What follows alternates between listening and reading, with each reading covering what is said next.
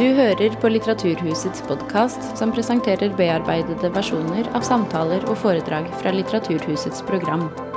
Er du interessert i mer informasjon, kan du gå til litteraturhuset.no for oversikt over alle våre arrangementer.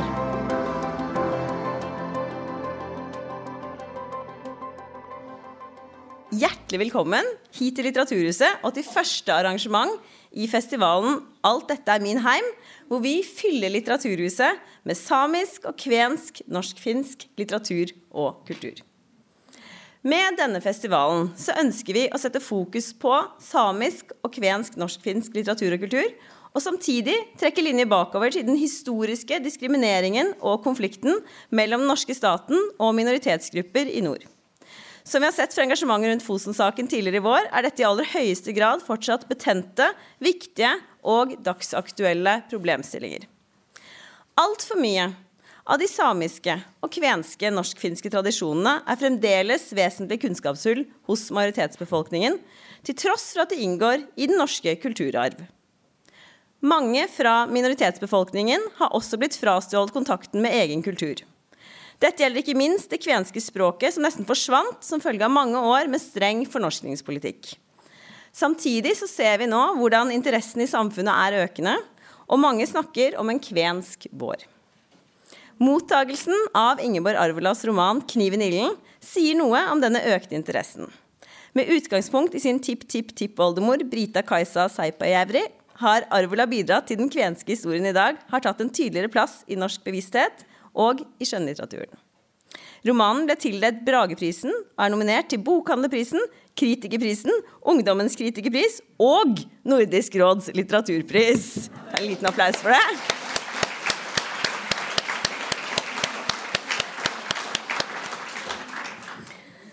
Dette er første bok i det som skal bli serien Rujan Ranala, sanger fra Ishavet, og vi gleder oss til resten. Arvola debuterte med romanen 'Korellhuset' i 1999, og har siden utgitt over 20 romaner, novellesamlinger og barnebøker. Også tidligere har hun utforsket sin kvenske arv skjønnlitterært, bl.a. i Neiden 1970. Tove Nilsen er en av våre mest folkekjære forfattere, og har bl.a. selv tatt utgangspunkt i sin egen familiehistorie i romanen 'Den eneste broren'. Nå gleder vi oss til å høre Ingeborg Arvola og Tove Nilsen i samtale om 'Kniven i ilden', kvensk historie og kjærlighet utenfor rammene.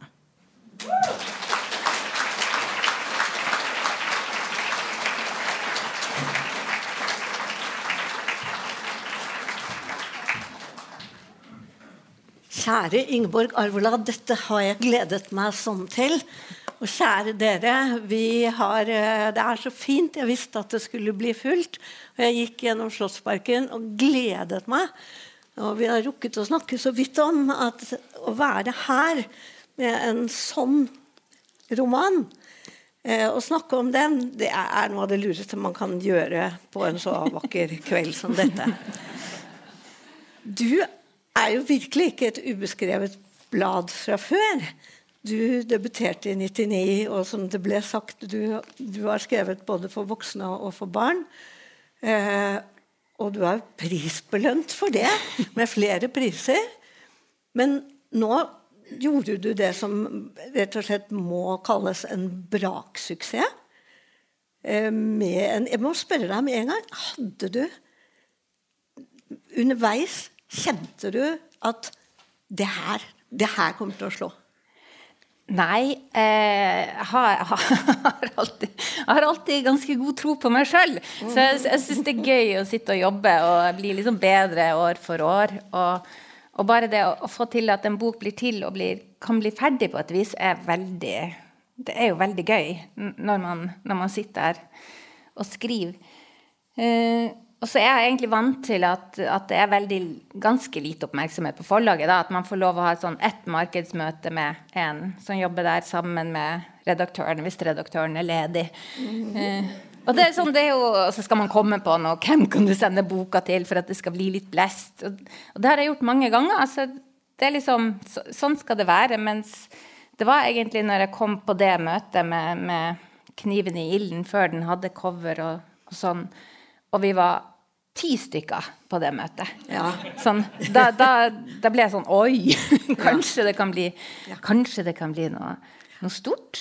Eller kanskje de kommer til å bli veldig skuffa, tenkte jeg faktisk. Det, det ble ingen. Eh, og dette er jo en så rikt anlagt roman som løfter fram så mange scener og spørsmål at vi kunne brukt denne flotte uka på denne romanen. Eh, men eh, dette er jo en roman som går rett inn i en uh, reise. Brita-Kajsas reise. Som starter i 1859. Da bryter hun opp fra det finske stedet hun har vokst opp på. Hun forlater det hun har av familie. Og hun tar med seg sine to sønner, som da de skal vi snakke mer om, som da er tolv og tre. To gutter. Og så tar hun på seg skiene, og så starter denne eventyrlige og strabasiøse og dramatiske ferden. Hun drar også. Eh, hun drar av flere grunner. Men det som skyver henne ut, det hun forlater, kan du si ja, altså hun er, jo, hun er jo en representant, da, fordi det er mange som drar, og som, og som også har dratt fram og tilbake som mm. sånn sesongarbeidere, og som begynner å bosette seg mer og mer i de forskjellige strøkene i Finnmark. Så jo, for meg, så er hun en, eller for alle kanskje som leser, er hun en representant for dem, men så har hun også sin egen historie, og den er jo at hun har jo ikke vært gift, selv om hun har de her to sønnene, og de har ikke samme far, så det er to forskjellige menn som har vært inne i bildet. Og, og, for den siste sønnen Heikki så har hun stått kirketukt i Soddankylle. Og det er ganske, det er ganske eh, Jeg vet ikke helt hvordan det føles. Alle var veldig knytta til, til, troen og kirka, så det, så det var nok veldig eh, det var nok en veldig tung ting å oppleve. Både sånn at det på en måte å bli utestengt du blir nekta. For, du blir nekta kirka for en periode. Ja. Samtidig blir du hengt ut. Ja. Det, det, er ikke så ille som gapestokk, men du, blir, du skal stå til spott og spe og skamme. Og så tror jeg kanskje at i ettertid, uansett hvordan, man, hvordan, det er de søndagene det skjer, så tror jeg etterpå at det var vanskeligere å få jobb. Ja. At det liksom Ja, det er liksom Å, er hun der? så uansett hvor flink du er å jobbe, så har du fått et skår i i kanten. Og det blir jo en ekstra grunn kanskje til å, å prøve, prøve, noe nytt. Ja. Begynne på nytt. Ja.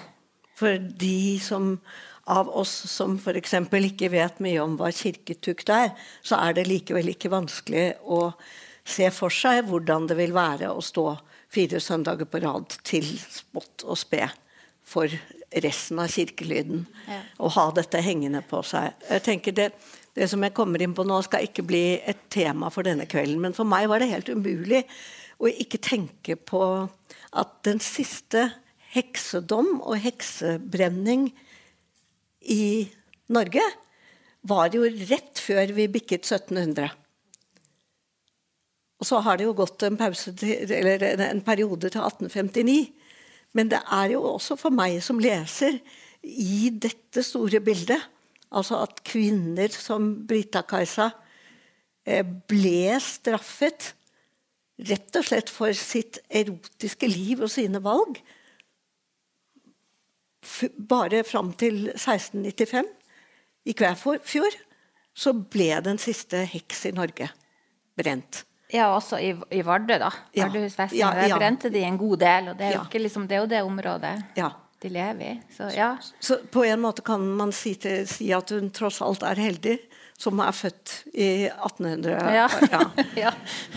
Og eh, du forteller jo i et eh, kort forord eh, at du først var opptatt av oldemoren din, og så oppdaget du at det er tipptippoldemor som er den sagnomsuste, spennende kvinnen. Eh, og Litt om form. Fordi når man eh, Dette er jo da en person som fantes en gang. Eh, syns du Fant du fort den friheten som man fornemmer i at du, du dikter som du vil? Kunne det begrense deg på noen måte, eller kjente du bare at det blir ekstra eh, kjent stoff for deg? Jeg tror En ting som spilte inn, var at når, først når jeg begynte å jobbe med oldemora, da, som jeg jo enda ikke har, har, skrevet noe om, så var det i monologform. Og da må det være veldig, veldig nært karakteren. Da spiller mm. egentlig ikke naturskildringen så stor rolle. Sånn. Du må liksom overbevise på karakter. Eh, så, så, så, jeg var jo litt, litt i det sporet. Mm. Kanskje på hvordan jeg tenkte. Og veldig opptatt av hvordan hennes reise var. Om det var det på ski, var det på vinteren eller var det på sommeren? Eller var det sammen med noen?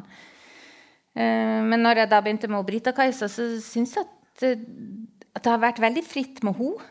Mm. Tenke på henne. For det tipp-tipp-oldemor, det er jo ganske lenge siden. Ja. Så det var mer sånn eh, å finne, finne, ut hvem hun var, da. Altså, først så tenkte jeg faktisk at hun reiste ut, litt ut i intet. Ja. At hun ikke hadde noe, noe slekt der. fordi at liksom det er jo litt sånn, Jeg har lest i bygdebøker og litt historiske kilder, og tradisjonen forteller at det var hun som kom først med de to sønnene, og så kom de tre brødrene hennes etterpå. Og alle hadde forskjellige etternavn. Og da ble hun sånn Ja, men dro hun bare, da? Sånn, ja. Dro hun ut i intet? Så det var veldig modig. Så, så lurte jeg på om hun liksom rømte henne som en skamfull hund, eller bare var hun klar for neste kapittel. Så, så jeg jo valgte å gjøre henne ganske selvsikker. Mm, at det, det liksom stemte mm, med mitt bilde av henne. Men hadde jeg visst at ene broren var der, på en måte, ja. at hun egentlig dro til han, hadde jeg visst det først, så tror jeg, det, så tror jeg hun kunne vært ganske annerledes. Ja. Ikke fordi at jeg måtte ta hensyn til det, men det er noe med hvordan, man begynner, hvordan rammen er der man begynner å fantasere. Ja. Så det syns jeg er litt spennende. Og det Én ting er at de personer som vi kan sette tipp-tipp foran, eh, har jo ufortalte historier som regel. Så de blir fjerne fra oss på den måten. Og det ufortalte er jo også i at dette er en kvensk historie òg, eh, som har vært tynget av flere 200 års, i hvert fall, fornorskningspolitikk med de begrensninger, eh, den skampåføring og den fortielse og alt det andre som har skjedd i folks liv. Kan jeg få, for jeg tror ikke du skal lese det. Kan jeg få lov til å lese bare Vi har jo snakket litt om hva du har lyst til å lese. Eh, og her eh, Det er så nydelig skrevet, nemlig. Jeg, jeg har egentlig lyst til å sitte og lese en halvtime. ja. Her står det Hardføre, livlette skogfinner er vi, som glir natten i møte. Skaresnøen holder oss oppe, lite mat likeså. Barkebrødfødte, skinnkledde nordfinner, kvener blir vi kalt. Kvener, det folket som alltid har vært i nord, som vet å tappe kvaa fra et tre og gjøre nytte av det, som vet å overleve på lite og ingenting, som helst lever ved elvebredder og bygger boliger av tømmer, som holder kyr og rein hvis verden er gavmild, men som mener at fugler må være fri. Ja, det, det, det, det, lille klippet der det sier også så mye om språket i denne romanen. Det har blitt kalt alt fra virkelighetsnært, magisk, poetisk, rått, ømt og, og, jeg skjønner det, at, at, at adjektivene kommer sånn som perler på en snor. For det er eh, virkelig et, et eh, Altså en sånn styrke i språket ditt. Og en sånn styrke Jeg skjønner veldig godt når du sier at du kunne kanskje latt Brita-Kajsa med kirketukten bak seg framstå skamfull og litt hundset. Men det er jo noe, et helt annet type kvinne du viser oss her. Og det merker man så tidlig, så tidlig i boka, hvor sterk hun framstår. Ja, jeg, jeg, er veldig fascinert av henne. Ja, ja, det, så det er kanskje det. Da, det, det, det, det kommer yes. alle her. Ja, at, uh, jeg kunne ikke levd et liv som henne. Så man blir jo helt sånn Nei! Altså, ja. Går det an? Ja. ja. Hva er det hun gjør? Ja. Altså, ja. For man ser henne jo for seg. ikke sant? Du, du starter reisen som sagt i 1859. Bare det at, at du drar med ski og etter hvert en, en reinsdyr, reinsimle er det vel, eh, med en treåring. Mm. Selvfølgelig har folk gjort det før, men, men, du beskriver det sånn at man tenker en treåring ja, og en tolvåring som styrtgråter når de skal dra. Ja, og, og så denne kvinnen som, som bare gjør dette. Og du, du beskriver en reise på noen år, faktisk. Altså, du følger jo henne i noen år i denne første boka. Eh, og hun kommer til stadig flere altså Hun går fra stasjon til stasjon, for å bruke det uttrykket, og møter folk etter folk. Eh, når, jeg, når jeg leste dette klippet ditt her, så tenkte jeg ja, dette skrur i hvert fall om på det gamle utsagnet 'Hvem var det som bygde dette landet?' Det, det gjør det faktisk. Det er et tilskudd av kunnskap og innlevelse som du gir oss. Men eh, tittelen Den kommer jo ganske tidlig i en veldig heftig scene. Eh, og jeg opplever jo tittelen din 'Kniven i ilden' både som veldig konkret ut fra en bestemt scene, men også som en, en spenningsskapende tittel som kan handle om så mye mer. Men kan du lese fra det klippet som du Ja. hadde lyst til? Den, eh, den boka het lenge Hadde den arbeidstittel 'Jeg smiler solen frem'. Ja. For, for det tenkte jeg, det var liksom sånn som, sånn som jeg tenkte henne, at det der smilet hennes, det, det har noe ved seg. At det liksom trekker oppmerksomhet. Eh, så eh, Så det hadde eh, Så det hadde jeg lenge. Men så, så, så ble det så ble det, så ble det, det, det andre, Den andre tittelen, 'Kniven i ilden', kom liksom fra det som jeg leser nå. Da visste ikke vi at det Nei. kunne være en fin tittel, men så skjønner man det. Så det er jo litt før de har kommet helt over grensa til Norge.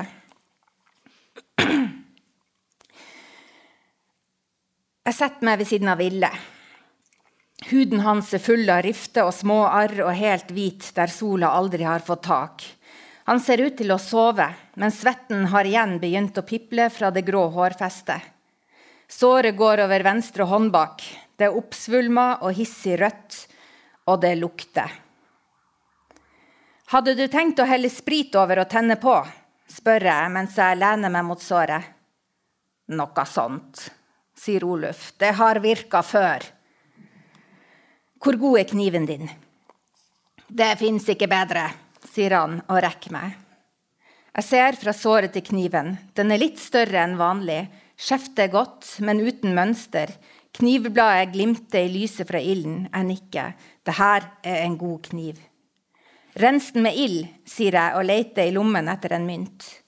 Mynten gir jeg til Oluf når han rekker meg kniven. Det er ikke en gave, sier han og vil først ikke ta imot. For sikkerhets skyld, sier jeg, ta mynten så intet ondt blod følger kniven. Det er ille sår, Oluf, vi trenger ikke uflaks i tillegg. Jeg merker at han ser på meg, men jeg skyver blikket vekk. Jeg skyver alt vekk. Jeg skyver ungene vekk, gammen, lukta, meg sjøl. Jeg ber Fader vår over såret tre ganger, så skjærer jeg vekk det hovne kjøttet som verker og verken som pipler. Ville vrir seg, men våkner ikke. Armen hans er uten kraft. Jeg skjærer strimle av armen hans, som var han et lår med tørka kjøtt. Hele tida ber jeg for at Gud ikke skal glemme oss. Sprit, sier jeg, og Oluf heller rikelig over såret. Kniven i ilden, sier jeg, og Oluf tar kniven med til flammene igjen. Så kjenner jeg skjeftet i hånda og legger raskt knivbladet over det flommende såret. Et sted i tankene mine hører jeg Alexi brekke seg. Kjenner at døra blir åpna og gufser kulde. Men mest ser jeg knivbladet og røyken som stiger fra kjøttet jeg brenner. Jeg presser kniven mot såret, og Ville ynke seg. Ja.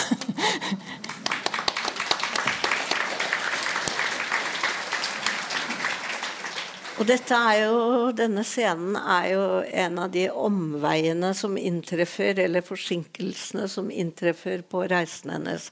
Og når man leser hele den scenen, i likhet med andre scener der hun hjelper til, fordi hun hjelper jo veldig mange mennesker som trenger hjelp, eh, så, så, så blir i hvert fall jeg som leser jeg blir helt jeg, jeg blir ikke utmattet, men jeg kjenner det i kroppen. Fordi du beskriver henne jo som en som har en gave. Ikke bare at hun tør å gjøre noe sånt som det du skriver der, men, men at hun har en, en helbredelsens gave. Mm. At hun har kjent, fått det overlevert, og mener at hun har kjent det fra hun var ganske liten. Det fins en scene hvor hun skjærer, er, er liten jente og skjærer de betemte testiklene av en hund. ikke sant? Eh, ting få av oss har eh, våget. Men, og du beskriver det ja, eh, Du beskriver det altså, som, en, som en gave hun har, men også som et, en, en, en svært fysisk utmattende opplevelse av andres smerte.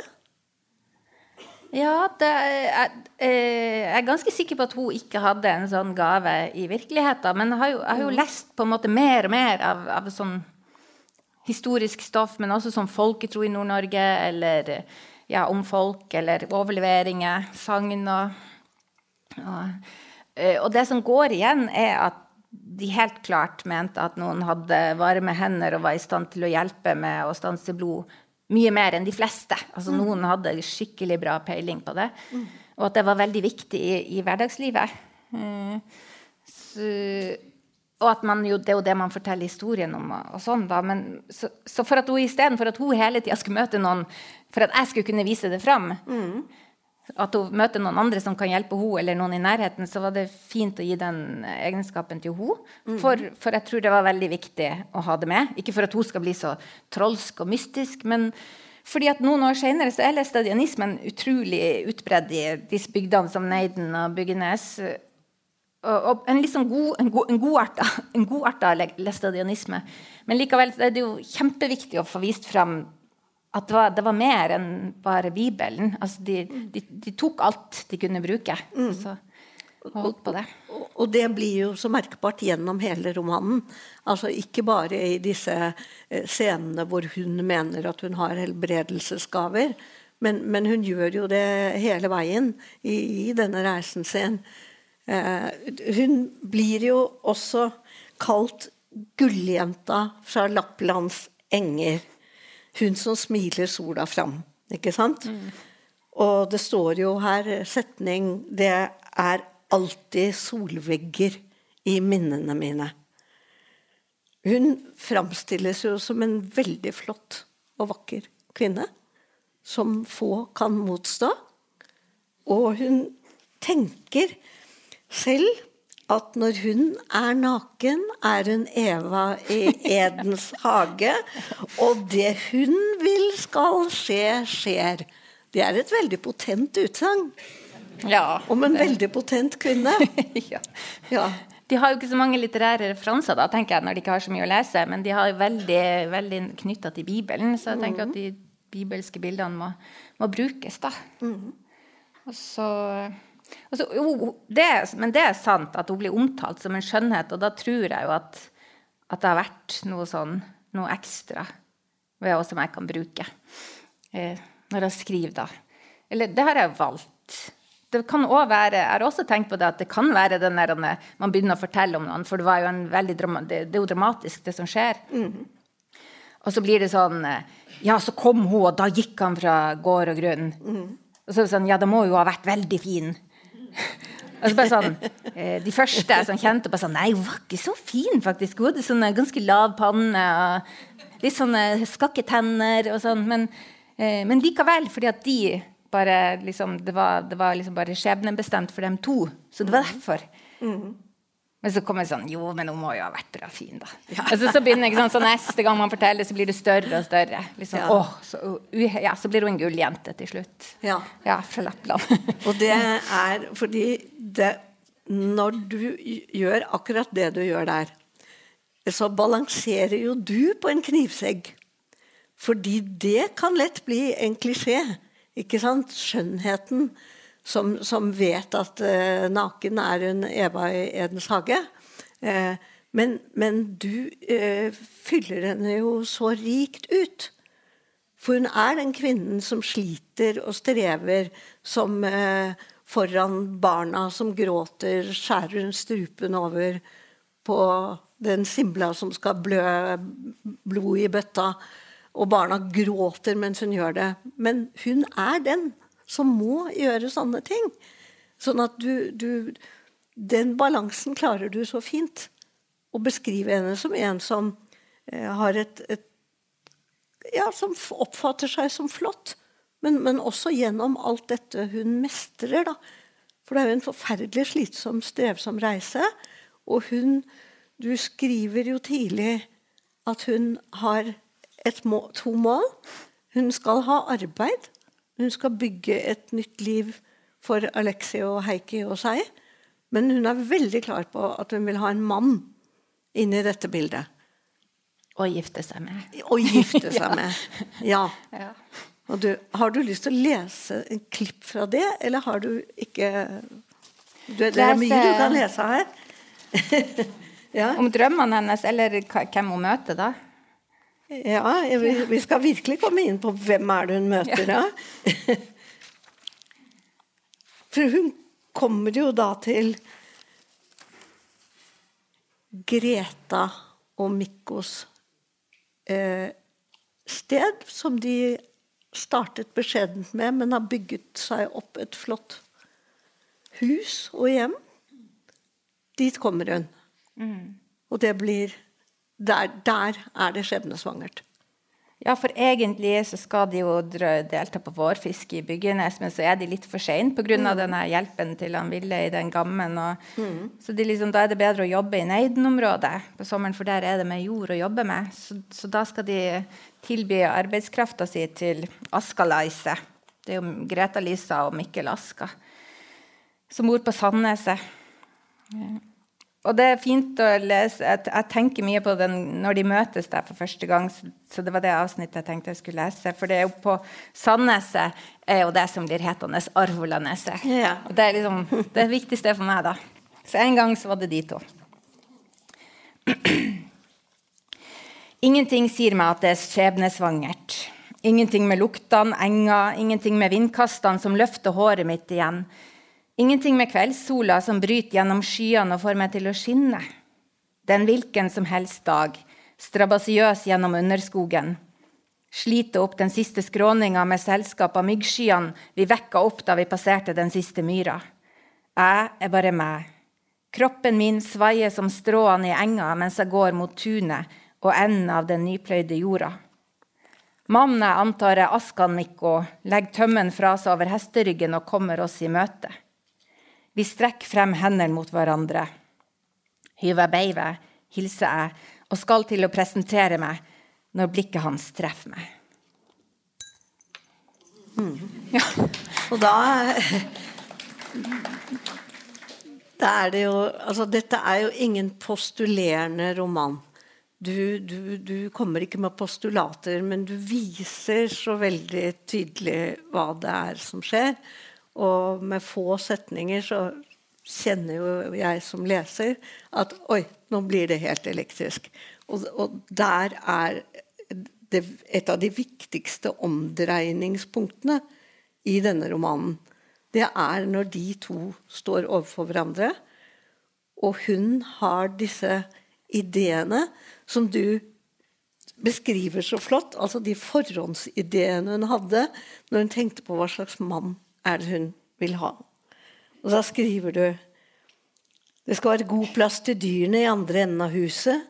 Sauene skal jeg stelle, en eller to kuer skal jeg melke, grøt skal jeg koke til guttene mine og mannen min, en fisker, en med båt, som vet hvor fisken biter, en som er god til å synge, en som ikke drikker for mye, en som har sterk rygg og ikke er for ung, vågal og uerfaren, en som liker ungene mine og ikke syns de er i veien. Han kan godt ha egne barn. Da er det ikke noe i veien med såkornet hans, tenker hun. Alle vi som hører det klippet der, det, det er et sånt, på mange måter et omdreiningspunkt. fordi eller det du leser, er omdreiningspunktet. Men det, dette klippet her, det lager en underlig samklang mellom det historiske, for dette er jo en historisk roman, og så blir den om og om, og om igjen så moderne. For dette er jo hva en eh, kvinne i 2023 kan tenke. En som ikke syns at ungene mine er i veien. Ikke sant? Så hun har en, en veldig drøm om en flott mann. Hun har jo også forlatt en far som ikke ble betraktet som flott. Som rett og slett det brukes ordet tølper og fordrukken om. Jeg tror de står, de, noen står på et eget sted i kirkeboka Ja. i, i de Lappland, da det var sånn tølpere. liksom, de, de snuskete folkene. Ja, de det var han. Ja. Men i det møtet du leste om nå, ikke sant? Så, så skjønner vi ikke hva som skal skje, men vi skjønner at fra og med nå blir denne romanen veldig dramatisk. For hun kommer jo da med sine sønner og er eh, Hun er i, Atene-folket deres eh, og må gjøre det hun får beskjed om. Samtidig så er blikkene eh, på hverandre, kvinne, mann, hele tiden. Men så går jo Greta der. Og det er et vondt portrett. Som det er lett å, å ja, tenke seg inn i. Ja, jeg syns, veldig synd på Ja, Greta Lise. Jeg tror at hun er så utrolig glad i mannen sin. Også, at det bare liksom, ja. ja. så, så ser man at et eller annet skjer. Og så Mm. kan man ikke, får man ikke til å stoppe det. Ja. Og hun sier jo tidlig fra Greta er jo barnløs. Men Brita-Kajsa kommer der med sine to gutter. Og Greta sier jo på et tidspunkt 'du lokker'. Du lokker mannen min. Og da er dette, dette farlige for, for det blir jo et veldig farlig trekantspill. Da er det i gang. Og det er, det er umulig å stoppe det. Sånn, sånn virker det jo. For dem begge, da. Ja, jeg vet, jeg vet jo liksom at det gikk jo det gikk jo, det, altså De valgte jo hverandre, og det, det ble jo så dramatisk for så mange. Så, så, så jeg har tenkte mye på det altså, Hvor mye som ble kasta over bord også, for så mange. Og så, liksom, så gjorde de det likevel. Så Ja. det må det ha vært det må ha betydd så mye for dem. Ja. Det er jo blitt sagt eh, i mange anmeldelser at sjelden har eh, eh, det vært så saftige sexscener. Eh, og naken, eh, naken beskrivelse av, av begjær eh, som i denne romanen. Og det er bare flott ment, men jeg fikk litt lyst til å protestere. Jeg fikk nesten lyst til å lage sånn faen om at ikke, ikke reduser dette bare til sex. For dette er en stor altså Dette er et, et hennes begjær, hans begjær. Men ikke minst hennes erotiske livskraft. Som jeg syns hele boka eh, dirrer av fra begynnelse til slutt. For hun er jo en kvinne som ikke viker tilbake for det hun ønsker seg, og det hun har lyst på og til. Ja, hun har jo vært litt rundt, da. Altså, jo fått seg noen barn uten å være liksom gift. Så hun har jo gjort noen sånne valg før. Ja. Altså, ja. Så, ja, så det handler mye om det. Altså, sånn, eh, det. Det er jo kjempefint å få ros for ting òg, men hvis, hvis man teller sider, så er det jo ikke så mange sider. Som er bare sånn eh, vill erotikk. Nei, nei, nei. Nei, så, ja. jeg, tror at det, jeg tror det måtte være med altså, Jeg tror det var fint at jeg ikke tenkte først at jeg måtte skrive det, men at det først så var det det der man Hvorfor velger de hverandre? Altså, OK, de velger hverandre. Og, og da, må, da må man jo vise fram noe av det Eller prøve, da. Å vise fram noe at det, det var jo ikke for bare å holde hverandre i hånda og si at man er fin på håret. Det var noe sånn, noe sånn veldig liksom noe som man, Ja, at man bare ramler uti det. Ja, for dette er jo to godt voksne mennesker med hver sine eh, livserfaringer, og hennes livserfaringer er dyrekjøpte. Eh, jeg, jeg sa til deg da vi begynte å snakke litt, at, at det, det med språket ditt er også eh, Du har så mange kjernesetninger om henne. Og med kjernesetninger så mener jeg at du har en evne til å komprimere det som kanskje andre ville laget som personkarakteristikk. Så skriver du En mor må dra dit arbeidet er. Jeg er en mor som drar. Ikke sant? Og så skriver du noe som nesten blir enda verre. Finere, men enda verre. Eller fint, men enda verre. Jeg er punktum. Ikke fast. Altså det, er, det, det, det, er, en frihetserklæring på veldig få ord. Eh, og ikke fast betyr jo også eh, at hun er en, en veldig urovekkende person. F.eks. For, for Greta, da, som til slutt eh, fornemmer alt som skjer rundt og i sitt eget hjem. Og går ganske langt i det som er det vondeste, kanskje, scenen med Greta. Ja, hun ber, hun ber på ber. sine knær om ja. at hun ikke bare kan dra ja. og gi slipp ja. på Mikko. Ja. ja. hun gjør jo det. Hun, hun kommer inn i fjøset, og der sitter Brita Kajsa og melker. Og, og, til slutt ligger Greta, som er hennes husfrue, må vi vel kunne si, og holder henne rundt leggen og ber kan du reise herfra.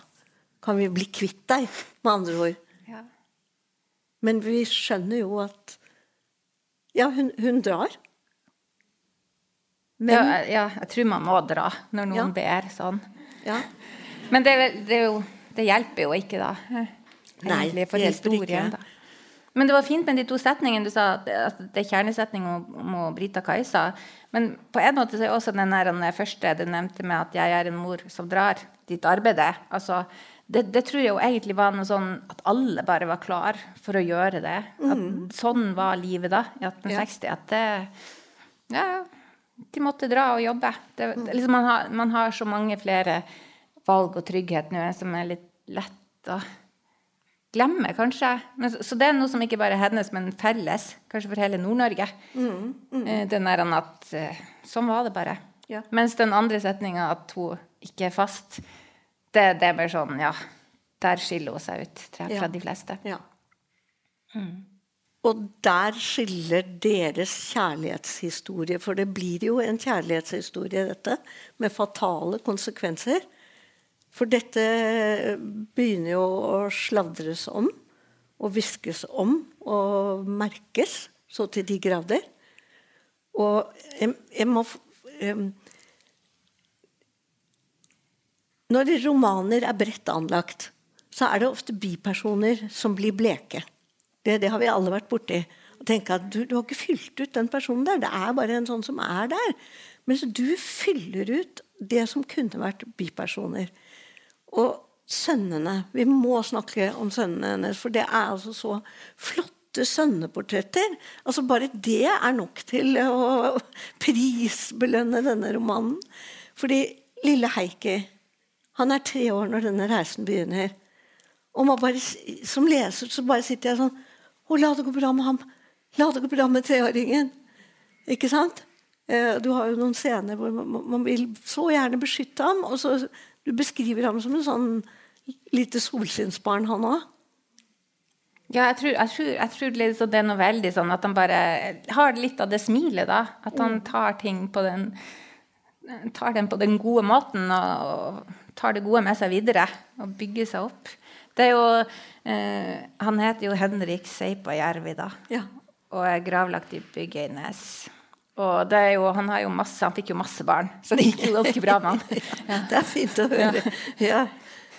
Men storebror men, men, først, da. Altså, denne setningen eh, 'Jeg er ikke fast', den knytter jeg jo også til at hun drar de skal på fiske. Eh, hun drar med Mikko, som skal være høvedsmann på båten. Og hun skal jobbe. Ikke sant? Mm. Men hun lar Heikki være igjen. Og han blir jo en Ja, for Greta, hva blir han? Jeg tenker jo at de blir fryktelig glad i hverandre. Ja. Han, for hun har jo masse kjærlighet i overs for en liten gutt. Ja. Så, så, så, der ligger maktspillet mellom de to kvinnene også og vipper veldig. Fordi det er jo hun som får minstesønnen. I hvert fall for en mm. lang periode. Men så er det han som blir, i hvert fall i sitt eget eh, selvfølelse, en ung mann i løpet av denne eh, romanen. Men som skal komme med veldig aggressive utkjør mot sin mor. På grunn av ryktene om henne. Alex, ja. Ja. Han er jo, han er jo jeg, tror han, jeg tror han tenkte at nå ordner det seg. Nå skal vi dra til Byggenes, og mora mi skal gifte seg. Jeg skal få lære meg å bli fisker, og da tjener man penger, og de har vært fattige. Så alt skal ordne seg. Og så, og så bare kaster hun det liksom bare kaster hun det vekk når hun ser én fin fyr. Liksom. Så, så for han det blir skikkelig svik. tror jeg. Ja. Ja. Men hun har jo også sett fine fyrer før. Og Mikko har nok også sett fine damer. Men dette som oppstår mellom dem, eh, som, som kall det begjær, kall det hva man vil Men det er nådeløst. Det er jo det. Ja, jeg, jeg tenker sånn at de kunne ikke valgt annerledes. Nei. Nei. Og det viser du veldig tydelig fram. Men det, det blir ganske vondt når tenåringssønnen sier eh, Altså rett og slett sier til mor å ha en mor som driver og horer rundt i fjæra. Han sier jo det.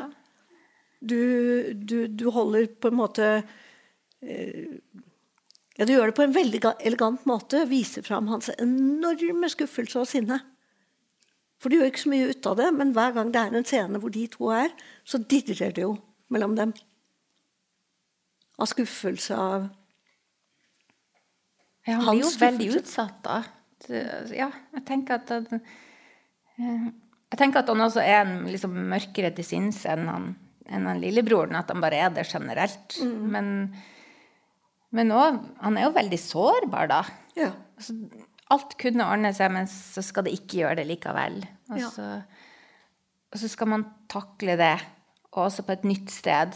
Fordi at det var jo grunnen til at, til at han ble jo med for at alt skulle ordne seg, og han skulle lære masse, men han måtte jo forlate og, på en måte sin Emmy, bestemor, for å, for å bli med. Og det er vel liksom hun han kanskje hadde, hatt mest, bodd mest sammen med, da, mens hun, Brita Kajsa har vært på forskjellige jobber og sånn. Så, så det var mye han mista.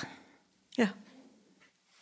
Det er, når du sier forskjellige jobber, så er det jo sånn at hele denne boka er så fylt av arbeid. Jeg har jo streket under og streket under og streket under. ikke sant? For her, her, her hun, hun er med på å forløse barn. Hun slakter, hun koker mat, og dette beskrivelsen av å koke kraft, ikke sant? og hvordan hun elsker å se barna spise. Og det strikkes, og det sys, og det fiskes og det, altså det, Dette er ikke et blekt, teoretisk byliv. Nei, det er det ikke. Det er vel et uh, arbeidsliv som er felles for alle, tror jeg, på den tida og i Nord-Norge. Men det òg, tenker jeg, en måte jeg prøver å, å skrive fram det, det kvenske eller nordfinske, eller de som er, kaller seg finsk etter. At det er en Om ikke alle, da, for det var jo masse drukkenbolter og raringer overalt, men altså mange hadde det, tror jeg, litt i ryggmargen at det skulle jobbes fra morgen til kveld. Ikke fordi at det var noe eh, man, hadde, man ble tvunget til, men fordi at det måtte til for at man skulle overleve. Så det var liksom eh, en slags eh, Altså, de blir skrytt av av og til for å ha, vel, ha det veldig fint i fjøset hos dyrene sine. At det, det er liksom mye, mye kjærlighet og ære som ligger i i det arbeidet som gjøres. Så når jeg da skriver masse om arbeidet, også ting som jeg ikke kan, så, så tror jeg at det er en måte å vise fram den kulturen på. Mm, og det gjør det virkelig. Og vi som leser lesere tenker aldri at 'kan hun ikke?' For vi bare tar alt til oss. Og du skriver jo 'Jeg vil vise hvor viktig fiske er'. Hvor sentral den muntlige fortellertradisjonen er. Hvordan gudstro og overtro finnes side om side. Jeg vil vise naturen, slitet, sangen og saunaen. Og jeg må bare si at jeg, jeg har jo jeg har sider eh, som vi kunne snakke om. Og et, et stikkord her er jo bevegelse. For hele denne romanen er en eneste lang bevegelse fra 1859 og fram til den fatale slutten. Og inni dette så er det landskapsbeskrivelser som altså Bare gled dere. Bare måten du skriver om elver. Det, det kunne vært et eget essay Hvordan skriver Ingeborg Arvola om elver? Som bukter seg, som er vennlige eller uvennlige. Og også når du skriver om fiske, som disse to da er De er ikke sammen om fiske. Han er på fiske, men hun er der eh, med denne rasende tenåringssønnen. Tenker du at, at, at begjæret til Brita-Kajsa og Mikko er, er eh, Må det være hensynsløst? Fordi sånn måtte du bare bli? Eh, det hadde ikke trengt å være det hvis, liksom, hvis de hadde vært to som, som ikke var gift da, og mm, møttes. Mm. Så kunne det jo blitt veldig annerledes. Mm. Um, men det blir hensynsløst uh, på den tida. Ja. Når men, den ene er gift. Men, men, så er jo dette en, en, roman som hele tiden pendler mellom makt, maktesløshet, undertrykking, opprør. Det er det jo. Fordi Brita Kajsa, etter å ha klart alt det hun har klart, så, du, så slutter jo romanen med det romanen begynner med. Nok en gang. Og dette tror jeg så mange av dere har lest, som vi snakket om. At det er ikke å, å, å bryte noe spenningselement. Nok en gang blir hun tiltalt for utukt. Altså straffet for sitt kjærlighetsliv. Ja, oktober 1862 eh, så blir det sånn på en måte rettssak. Eller de er en av sakene på tinget, da. Ja. Eh, da har det vært undersøkelser om hva de har gjort. fordi egentlig da er de anklaga for fordervelig samliv og konkubinat. Mm. Mm. eh, forargelig samliv. Altså, så de blir dømt for den ene tingen. De kan ikke egentlig bevise at, eh, at liksom de, de, nekter vel for begge deler, men de kan ikke bevise at de lever sammen på en måte, som mann og kone. Men Nei. noe har skjedd, og det har, de, det har de bevis nok for. Det har de bevis for. Vitner ja. og sånn. Så, mm. så, så de blir dømt for det. I, I, slutten av denne romanen så sitter jo enhver leser igjen med, eh, med lykken over at dette er en varslet trilogi. så vi behøver ikke tenke 'kommer det mer'? Nei. Det, det, men, og det er en så åpen slutt at, at, den ber jo om fortsettelse. Vil du på tampen av dette lese hva du selv vil? Om sauna, om kulturen, om Ja, ja det hadde jo vært fint å kanskje avslutte med det med sauna. For ja. Eh, det er jo det er jo, jeg har jo lurt litt på innimellom om, om, hva jeg kunne skrive om kultur, eller hvordan, eller om jeg er rett til å gjøre det. Og det er egentlig både sånn at det har fylt meg med masse glede og selvsikkerhet, men også en slags sånn uro og, og usikkerhet. For det, det er visstnok typisk kvensk å ikke helt tro at man er kvensk. Jeg har lest om Seppola, da, eller noe sånt, så, eh, Men akkurat det med saunaen, det er jo det, tenkte, det, det visste jeg tidlig at det kan jeg bruke. Så jeg tenkte jeg skulle avslutte da med å lese en beskrivelse av av hvordan man går i sauna, så vi alle sammen vet det neste gang vi skal gjøre det. Bjørkeriset ligger i bøtte med varmt vann og venter på at vi Nordkalottens skapninger skal klaske dem prøvende mot lårene før vi går i gang med å slå, svette og slite ut av hud og kropp.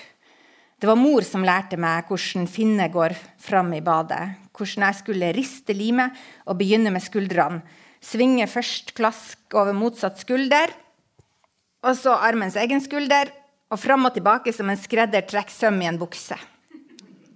Så beveger klaskene seg nedover ryggen, deretter brystkassa, dernest armene, ansiktet for de som liker det. Ikke alle tar med ansiktet. Mor tok med ansiktet. Det er godt for huden, sa hun feier vekk det som er dødt. Og så er det nakken og halsen, og deretter reiste mor og jeg oss og klaska videre på skinka og lårene og langs innsiden og nedover og rundt.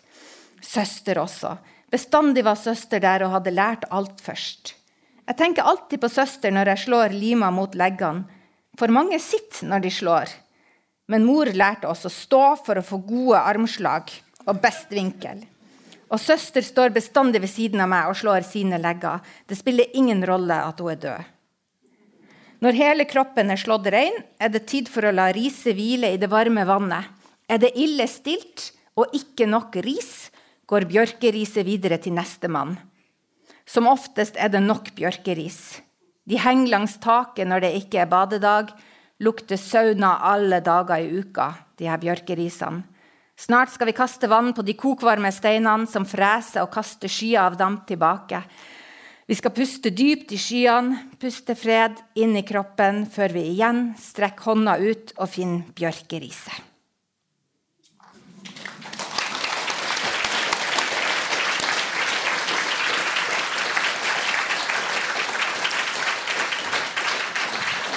Da skal, da skal jeg få lov til å takke deg for denne samtalen. Og ikke minst takke deg for at du er i gang med et så dristig prosjekt som en trilogi. Og du skriver et sted tidlig eh, Ingen mennesker kan skrives ned eller strykes ut. Ingen pennestrøk er mennesker. Men takk for at du ikke har strøket vekk eller, og, og, takk for at Brita-Kajsa er så Jeg vil si har blitt en av norsk litteraturs tydeligste og mest interessante kvinneskikkelser. Og måtte du få for den romanen Nordisk råds ja. litteraturpris! ja.